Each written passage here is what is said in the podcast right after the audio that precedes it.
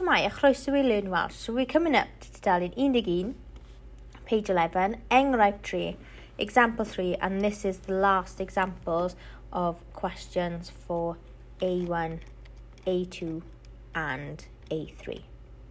So this is the last podcast on the Gwers Tree Lesson 3 Cyflogaeth.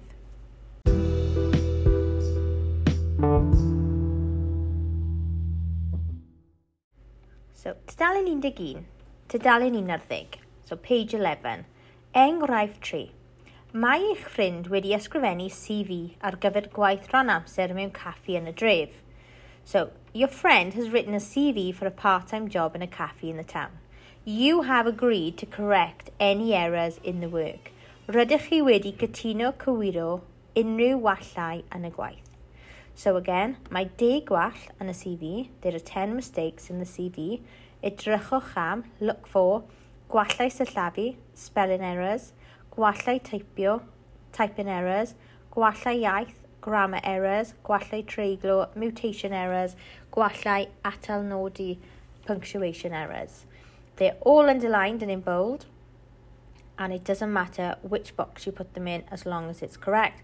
Double check your use of capital letters as well. Make sure that you've used the correct one. Pause the podcast and now attempt to answer and correct the 10 mistakes. Pob luck.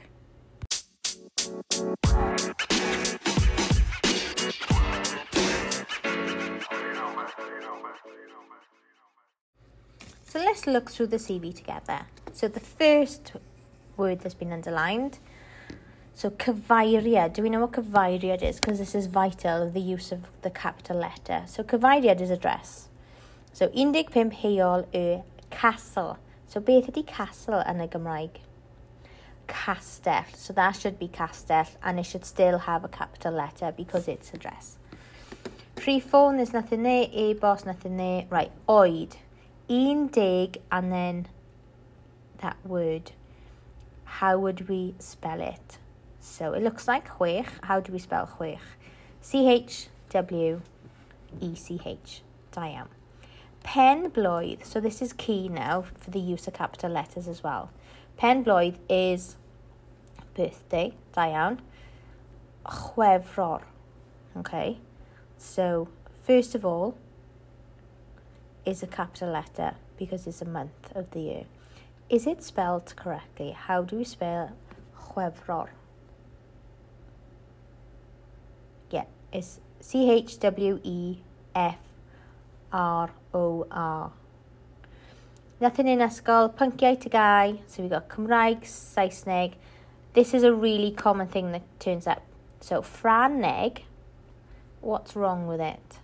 It should be Frangeg, it should be two G's, so double F, make sure it's a capital, R-A-N-G-E-G. -E -G. Profiad o waithio, so roeddwn ni'n arfer So gwaith mewn siop. So remember early on, we explained that gwaith is work, but to work is gweithio. Hefyd rydw i wedi helpu mewn theatr gyda'r dillad ac yn y caffi. So theatre, we do say theatre in Welsh, but it's spelled incorrectly. There's no E on the end. And then caffi is C-A-F-F-I. So diddordebau, so there's a couple here. Rydw i'n mwynhau chwaraeon o bob math, yn ymwedig nofio, blank syrffio a rygbi. What are we missing? We're missing a comma. Because she's listing, or he's listing, or he's listing the hobbies. So we've got nofio, comma, syrffio a rygbi. Beth bynnag fy mhrif hobi yn chwaraeon. So an is a word for is, but in this context it should be ydy.